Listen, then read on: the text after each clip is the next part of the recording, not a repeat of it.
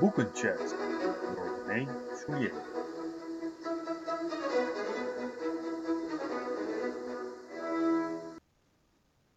De eenzaamheid van Thomas Cave van Georgina Harding. Originele titel The Solitude of Thomas Cave. Uitgeverij Ambo Antos. Hoe ziet het boek eruit? De cover van dit 254 pagina's stellende boek is wit en met alleen in het midden een afbeelding van een zwarte harpoen waarin de titel is beschreven. Zo eenvoudig en toch sprekend. Thomas Cave is de naam van een matroos op een walvisvaarder die in het jaar 1616 aankomt op het eiland Spitsbergen. Dit is in de Noordelijke IJszee, 500 kilometer ten noorden van het noordelijkste puntje van Noorwegen. Als aan boord de rum rijkelijk vloeit, laat de zwijgzame Thomas Cave zich verleiden tot een weddenschap.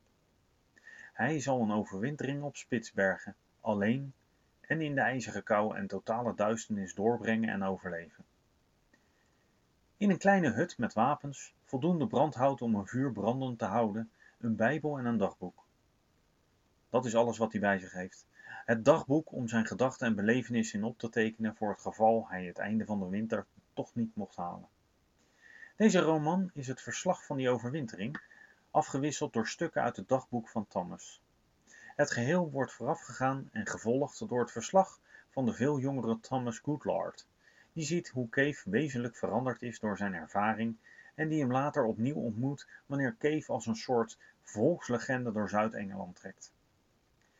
Er wordt veel gejaagd in dit boek, wat soms walgelijke beelden oproept.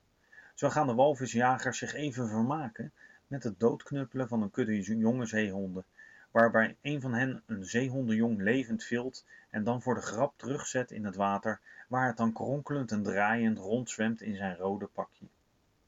Ik weet niet of dit gewoon was in die dagen, maar ik kan me er iets bij voorstellen dat het daadwerkelijk gebeurde. Harding slaagt erin voortreffelijk om je mee te nemen in deze koude, harde wereld van Thomas Cave. Een extra wrang detail is dat Cave eigenlijk toch niet helemaal alleen is op Spitsbergen. De schimmen van zijn overleden vrouw en kind zijn constant bij. Al met al is het boeiend en ook een aangrijpende roman waarin het ijs bijna uit de pagina's omhoog dreigt te komen en de kou echt voelbaar is.